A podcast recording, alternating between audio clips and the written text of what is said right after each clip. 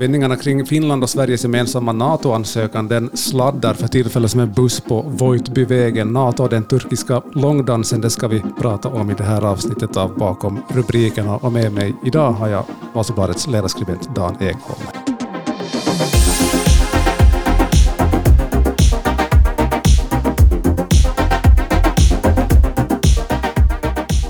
Ja du Dan. Ja, som bussen på Vojtbyvägen. En slank kan dit, en slank kan dit, en slank kan ner i diket. Frågan är om vi är i diket eller på vägen för tillfället. Nej, nu är vi på vägen ännu. Vi är på vägen. Hörde du, för tillfället så upplever jag att det är Turkiets president Recep Tayyip Erdogan som håller i taktpinnen och håller västvärlden på halster när det kommer till den här NATO-frågan. Vad vill karln? Han vill bli återvald i presidentvalet i maj. Han vill behålla sin makt. Ja. Det är, det, det, det är hans främsta grej. Sen så vill han framstå som stark. Han vill eh, stärka Turkiets roll i världen. Han, eh, jag menar, vi har ju historien med det ottomanska riket där som var väldigt stort och som sträckte sig nästan ända till Wiens portar då när det begav sig. Och det är faktiskt nu hundra år sedan hela ottomanska riket kollapsade. Och han har ju arbetat mycket för att, att stärka Turkiets roll i Mellanöstern och i norra Afrika. Och, och, där vill han framstå som en, ja, en sultan kanske, Ja. eller nåja, i republikansk form, det vill Ja. säga som president. Ja. Det finns andra presidenter också som drömmer om större gamla områden. Precis. Återupprätta gamla gränser. Ja, nej, jag, jag, tror inte, alltså Erdogan är väl inte på, imperialistisk på det sättet att han, han vill invadera någon, hoppas jag. Nej. Men, men däremot så vill han ju liksom öka inflytandet och, och få respekt. Ja, precis. Och då i och med att, i att, att det, det bränns Eh, koraner och det, hängs upp Erdogan-dockor i, i Stockholm och så, så är det ju liksom ett, en kränkning mot honom och han är erkänt ömhudad. Han har satt tusentals människor i fängelse för att de har kränkt presidenten och presidentinstitutionen. Mm. Ja, du nämnde här koranbränningen och, och där Erdogan-dockan som hängdes upp och ner i Stockholm. Är det inom rimlighetens gränser att Turkiets president ska vara den som bestämmer vad, vad som är yttrandefrihet i, i Sverige och i Finland? Nej. Nej, nej, det är det inte. För det känns ju som att det är så i fallet nu.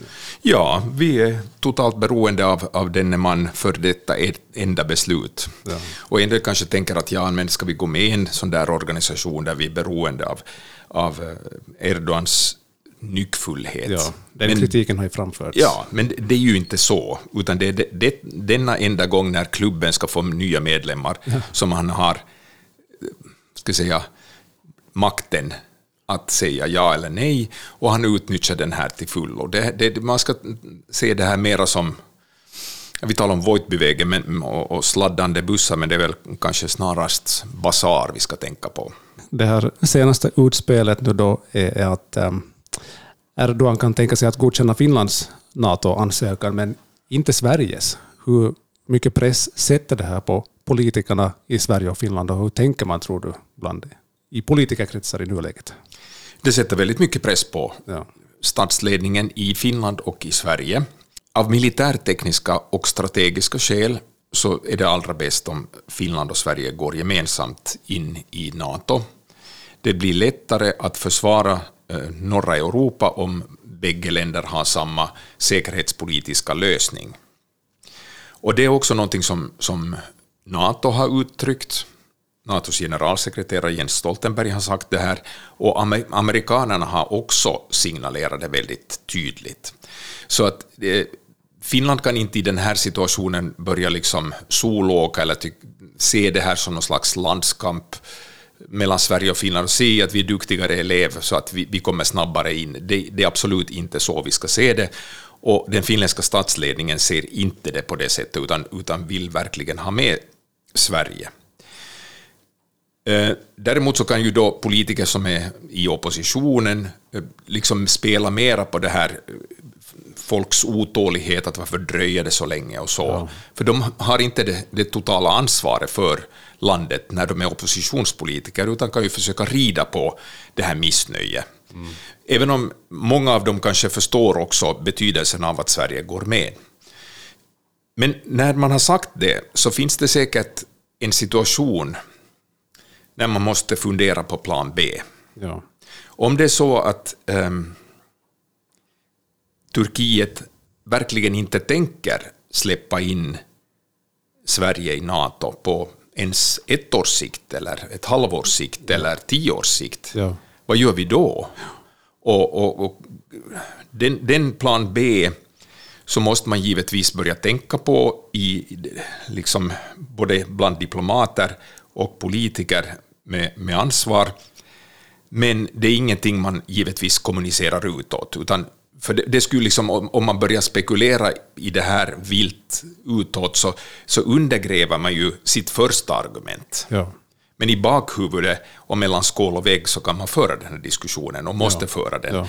Hur den ser ut och hur, hur, långt man då ser andra alternativ, så det, det, det är svårt att ta ställning till. Men jag tycker att det skulle kanske vara ansvarslöst om man inte tänker tanken, för det måste man säkert tänka. Men, ja. men jag tror väl att, att äh, ännu, än så länge är ingen desperat här, utan, utan det gäller bara att vara tålmodig, hålla huvudet kallt och invänta eh, resultatet av, av valet i Turkiet i maj. Och, och, då kanske det öppnar sig och då, då har Erdogan inte så mycket att eh, förlora utan kan då ge med sig. Men fram till dess så kan det hända att han spelar högt, försöker mjölka så mycket han kan. Ja, ja. Behöver man reagera på allt han Nej. säger och tycker? Nej. Jag tror att vi, alltså det, på något sätt så kanske det, den här senaste tidens provokationer och liknande så, så innebär att, att vi kanske inte ska gå med i det här spelet heller. Nej. Utan det är liksom bara att konstatera att Erdogan har valkampanj ja. och vi väntar på att den är slut. Är det bara teater det här? Nej, det är mer än teater. Ja. Det, det, det, delvis är det teater. Men det är klart, jag menar, som jag konstaterade redan tidigare, att Erdogan är erkänt ömhudad. Ja. Så han är säkert alldeles på riktigt kränkt av de här dockorna. Dessutom är han en varmt religiös person, så han är säkert också väldigt kränkt över de här koranbränningarna som har ägt rum. Jag tror ja. inte att det är teater, utan jag tror han faktiskt på riktigt är upprörd över det. Mm.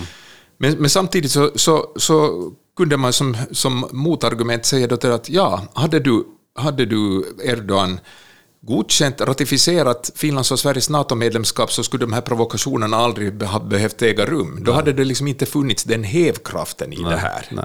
Så att du får ju skylla dig själv när du, när du ja. liksom sölar. Är det så att alltså som Sverige nästan dyker upp som en väldigt lämplig fiende ja. i dessa tider, ja. när han då strävar efter att få fortsätta som president också i Turkiet? Ja, exakt. Det, det kostar inte så mycket att, att ha Sverige som fiende. Det, det är, liksom in, det är inte så farligt. Eh, samtidigt som, som jag, tycker att det är, det är rätt otacksamt också. Eh, I och med att, att faktiskt Sverige var ett av de länder som arbetade för ett turkiskt EU-medlemskap då när det ännu var aktuellt. Ja, för en 15 år sedan ungefär ja. så var det fortfarande på agendan att Turkiet skulle bli EU-medlem. Turkiet hade ansökt om EU-medlemskap, eller på den tiden hette det faktiskt EG-medlemskap, mm. Mm. 1988 eller 89 om jag inte missminner mig. Och det här då gått väldigt långsamt framåt och man har jobbat då kapitel efter kapitel och, och, och sådär. Men sen gick det i stå. Men under den tid det fortfarande var aktuellt så var både Finland och Sverige och Storbritannien de länder som aktivast eh, arbetade för ett närmande mellan Turkiet och EU. Okay. Och det här är tacken. Ja, det har man glömt tydligen då. Det har man då glömt för att det i den inrikespolitiska retoriken är nyttigt att, att måla upp en fiende.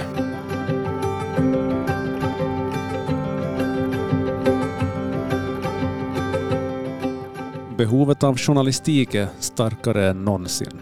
Vi här på Vasabladet gör vårt bästa varje dag för att du ska kunna ta del av det som händer lokalt, regionalt, nationellt och internationellt.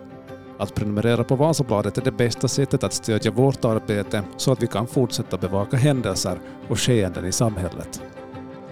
Vasabladets nyheter hittar du bland annat i Vasabladets nyhetsapp och på vasabladet.fi. Följ oss gärna på sociala medier, på Instagram, Facebook och Twitter. Tack för att just du stödjer vår journalistik. Och nu har du som lyssnare och inte är prenumerant möjlighet att prova på Vasabladet en månad för endast en euro. Det ger dig tillgång till allt innehåll på nyhetssajt och i VBL-appen. Allt du behöver göra är att söka dig till vbl.fi podd. Tack för att du lyssnar på Bakom rubrikerna.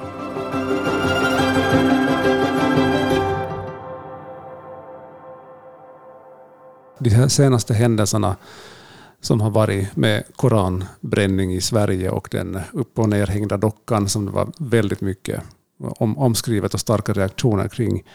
Eh, vad är det som gör att reaktionerna är så olika i Sverige och Finland? Vi hade en demonstration här i, i Helsingfors också på måndags eftermiddagen som lockade 50 personer som på något vis var väldigt så här, fredlig och stillsam. Men i Sverige är det väldigt starka reaktioner. Varför, varför är det sådana olikheter? När det gäller i fall med den här dockan som hängdes upp och ner och så, så, så var det ju de här Rojava-kommittéerna, alltså de, de, de kurdiska eh, gruppernas eh, organiserade ska säga, protest. Och eh, i Sverige finns det ungefär 100 000 kurder. I Finland betydligt färre. Det är kanske en förklaringsmodell. Mm. Men samtidigt så, så tror jag att, det, att ett NATO-medlemskap är betydligt bättre förankrat i Finland än i Sverige. Ja. Att många liksom förstår att det här är viktigt för Finland. Och om du vill göra dig impopulär i Finland så ska du just uttryckligen gå och protestera mot något sånt här. Det är liksom den ena delen. Sen när det gäller eh, den här koranbränningen så blev det ju liksom en, en sån här inrikespolitisk, väldigt typisk svensk diskussion. Att istället för att liksom konstatera att Sverige är utsatt för en, en påverkansoperation så blev det det liksom inrikespolitiska normaltjafset, som om ja. ingenting skulle ha hänt. Som, som om den här koranbränningen bara var en händelse som inträffade lite sådär som en komet landar på Söderfjärden. Att det, det bara, det liksom, oj, det hände, ja. oj, och ja. hur gör vi nu, oj, yttrandefriheten, oj. Det, det, det, blev liksom, det förändrades sen efter ett tag och, och man blev liksom medvetnare om att det här är, det här är ju liksom en operation och vi, vi, vi reagerar precis som Moskva önskar att vi ska reagera. Och, och, och där, I Ankara så reagerar Erdogan precis som enligt, enligt manuset. Ja. Och, och det, det liksom, den medvetenheten blev ju större efter, ju längre tiden led i Sverige, men, men, men den initiala var kanske lite som lite sådär att oj, oj, vad är det som händer och hur ska vi göra nu och vad är det Kristerssons fel och har han sagt fel och har Billström nu gått för långt? Ja. Det är klart, det, det, det, det är inte ett drömläge det här på något som helst sätt. Det är ganska motbjudande, mm. det här, den här medicinen, det, må, det måste man säga. Du var lite inne på det där redan med att eh, oppositionspolitiker kan, kanske kan tycka annorlunda. Och då, då tänker du kanske på Jussi halla som här ja. gick ut i Helsingin Sanomat och sa att nej, inte hade någonsin varit så att direkt uttalat att Sverige och Finland måste gå med tillsammans. Inte mm. har hon sagt det någonsin. Ja, Nej, men han, han leder riksdagens utrikesutskott men är inte desto mis, mindre en oppositionspolitiker ja. och, och, räknas inte till liksom statsledningen på det sättet. Det, det har givetvis en, en tyngd att ett, en ordförande för ett tungt riksdagsutskott med kompetens i den här frågan uttrycker en, en viss åsikt, men han är inte statens officiella linje. Ja.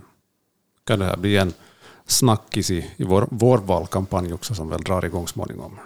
Kanske, men det kan också bli en snackis i presidentvalet om ett år. Ja, precis. Det är ganska exakt, nästan på dagen, ett år till, till presidentval. Och, och beroende på vad som nu händer under det här kommande året så kan det ju hända att det blir mera en snackis då. Precis. Jag läste någonstans på nätet att den, den turkiska inflationen år 2022 blev 65 procent.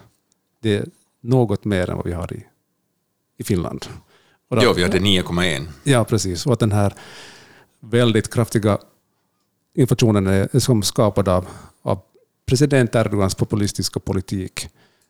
Tror du att det funkar, om vi nu ska prata om det här valet som ändå, ändå är på kommande för hans del, att, att det funkar sig att gömma för det här faktumet om att då trissa upp en konflikt med Sverige och göra Sverige till en fiende för att man då i, i Turkiet ska se, se genom fingrarna lite? Ja, det, det, jag funderar mycket på det där. Och, och, å ena sidan, jag menar, det, inflationen i Turkiet är ju inte bara hemlagad av, av Erdogan, Nej. men han har förvärrat den. Precis. Jag menar, det, det, finns samma, samma incitament eller samma bakgrundsfaktorer där som högre energipriser och, och högre spannmålspriser och liknande som, som också pressar upp uh, inflationen i, i Turkiet. Men sen så har han med sin populistiska politik då förvärrat det här läget. Ja med, med det liksom typ då eh, satt igång sedelpressar och liknande som, som för att, att eller kritiserat eh, centralbankens oberoende. Ja, precis. Men den, den har lite avtagit. Alltså, då när det var som värst så var inflationen i Turkiet eh, en 80, över 80 procent. Okay. Men det, det, det liksom, sen mot slutet av året så, så klingade den av lite. Så det, men, men, inte desto mindre så talar vi ju liksom om enorma problem med den turkiska ekonomin, ja. som ju drabbar den normala, den vanliga turken, som, som ska ha, pengarna ska räcka till till maten, och till bränsle och till hyran och till, till barnens datorer, om, om du är i den samhällskategorin att det är aktuellt. Och speciellt när alla importerade produkter blir så fruktansvärt mycket dyrare, när den turkiska valutan blir värdelös, eller väldigt svag. Mm. Mm. Så det är klart att han eh, genom sådana här operationer, det är liksom enklare att det kostar ju inte så mycket att, att försöka stå och skrika på Sverige eh, jämfört med vad det kan kosta i att försöka få den turkiska ekonomin på fötter. Och, och det kan ju alltid distrahera någon, ja. att, att de liksom, istället för att fundera på sin maträkning så funderar på oj, nu är jag kränkt som muslim, nu, och, och min, min store ledare är också kränkt, ja. så jag är jättearg och, så att, och, och, nu måste jag absolut rösta på och göra min store ledare ännu starkare. Mm. Så att nu, nu, fungerar det säkert till en del. Och då ska vi komma ihåg att, att det finns oppositionspartier i Turkiet som är mycket värre, ja. inom citationstecken om vi säger så, ja. som är väldigt aggressiva när det gäller till exempel Grekland och, och eh, anser att flera av, av de grekiska öarna är turkiskt territorium. Kreta, Rhodos, Lesbos och, och sådana. Och, och, det är... Det är, det är ju liksom, vi måste se Erdogan i hans kontext. Att, sett ur vårt perspektiv så är han ju oerhört extrem. Ja. Sett i, i, liksom i en turkisk kontext så är han kanske där, lite där i mitten. Ja, precis det, att, att han eldas på av de här nationalisterna, så, så, så på samma sätt som våra politiker ibland måste bli sannfinländare light för att liksom locka till sig de här, ja. så måste Erdogan också eh, gå in på de här extremnationalisternas territorium och försöka vinna tillbaks dem genom att visa sig som, som den hårde, starke mannen. Ja, precis. Han gjorde väl något utspel kring just det här förhållandet till Grekland för en tid sedan. Oh, jo, har, han skulle bomba Aten typ. Ja, vi har också missiler som når dit ganska svårt. Just det, han, han skulle, jo precis, exakt så var det. Han skulle bomba Aten. Jag tror att jag skrev om det till ja. ja, men ja. är det för att blidka de här riktigt nationalistiska? Ja, ja. ja så, så, tolkar jag det. Ja. Om vi då går till vår, vår situation här och, och den, den ansökan som, som Finland och Sverige har lämnat in, den ligger inne hos hos NATO. Man får förstås tycka vad man vill uh, om man stöder det eller inte, men stödet för, för ett medlemskap i Finland har ju varit över, överväldigande. Det har undersökningar och riksdagsomröstningar visat gång på gång. Finns det nu då, som du ser det i den här situationen, som råder en risk för att det här inte blir av alls? Nej, jag håller nog det för osannolikt. Ja. Det, det, jag menar, spågubbe är det ju svårt att vara och veta vad som händer i framtiden, men jag, jag, jag skulle liksom tro att det är väldigt osannolikt eftersom, jag menar, om vi tittar på vår egen process så beslöt ju då riksdagen i fjol den 17 maj att vi ska ansöka om NATO-medlemskap med rösterna 188 mot 8 och tre frånvarande. Ja. Det, det, det, är mycket, mycket starkare beslut än i, i, sett i, i siffror än vad det var när, när vi beslöt om att ansöka om EU-medlemskap, eller att ratificera EU-medlemskapet. Ja, ja. Då hösten 1994. Eh, så att det, vår egen process är alldeles tydlig, att det här är, är vår starka vilja och det här riksdagsvalet här emellan kommer knappast att, att kunna rubba det ja. märkbart i, i någon del riktningen. Och så har då alltså 28 av 30 eh, NATO-medlemmar ratificerat det här, vilket ju också är en, en stark viljeyttring. Och, och USA som är erkänt eh, splittrat i de flesta politiska frågor så, så röstade ju för ett, ett finländskt NATO-medlemskap, svenskt och finländskt NATO-medlemskap med en överväldigande majoritet. Det var liksom bara några strö, ströröster som ja. röstade emot någon, någon, någon liksom trumpist som hade liksom tappat förståndet och lite sånt där som det finns. Ja. Eh, så att det, liksom, det finns i västvärlden ett brett, enormt stöd för det här. Så att jag har på något sätt svårt att förstå att det här liksom skulle stanna av eh, på grund av Turkiet eller Ungern i, i den här situationen. Det, det, jo, tillfälligt nu på grund av det, de orsaker vi nämnde tidigare, men sen då? Att liksom stoppa den här processen när Finland och Sverige är liksom typ mönsterelever när det gäller liksom alla medlemskriterier för att gå med i, i ja, NATO. Ja, precis.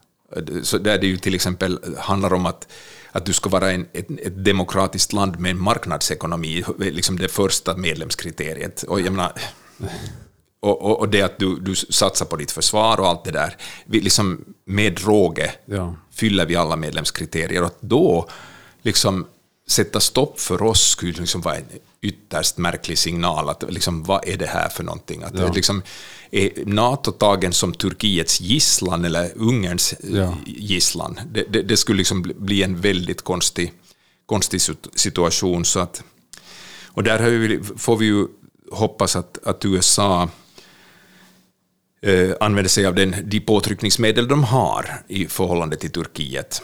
Ja.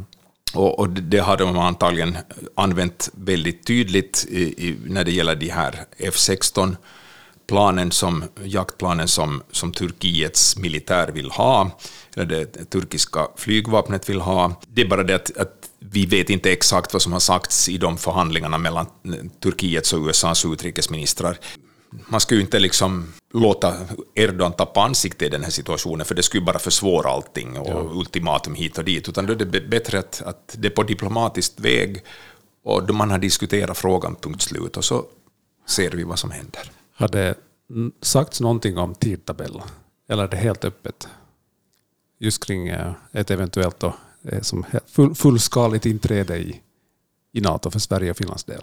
Ja, alltså eh, det skulle kunna ske in, inom de närmaste dagarna om Turkiet och Ungern skulle underteckna ja. sina papper. Ja, precis. De ska, det står i statuten att, att eh, alla medlemsländer ska ratificera det här medlemskapet för de nya medlemmarna och så ska det här eh, arkiveras, de här pappren, undertecknade pappren, i ett arkiv i Washington DC.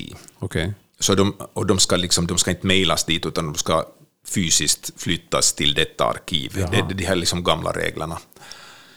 Och um, så att då är det fullbordat när, när de är undertecknade, genomklubbade genom parlamentet i, i respektive land och man har transporterat de här undertecknade dokumenten till det arkivet. Ja. Och det kan ju ske, liksom, och så ska Finland samtidigt eh, Finlands riksdag också klubba igenom det. Ja, okay. Mm. och, och, det är Finlands riksdag beredd att göra liksom på mm. noll varsel. Mm. Så att det, det, liksom, det, det, det skulle inte ta länge.